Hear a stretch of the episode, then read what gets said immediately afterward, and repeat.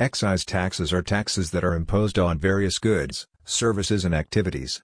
Such taxes may be imposed on the manufacturer, retailer or consumer, depending on the specific taxes required on specific goods or services like fuel, tobacco, and alcohol. Read the complete post and learn what is an excise tax and how to calculate it.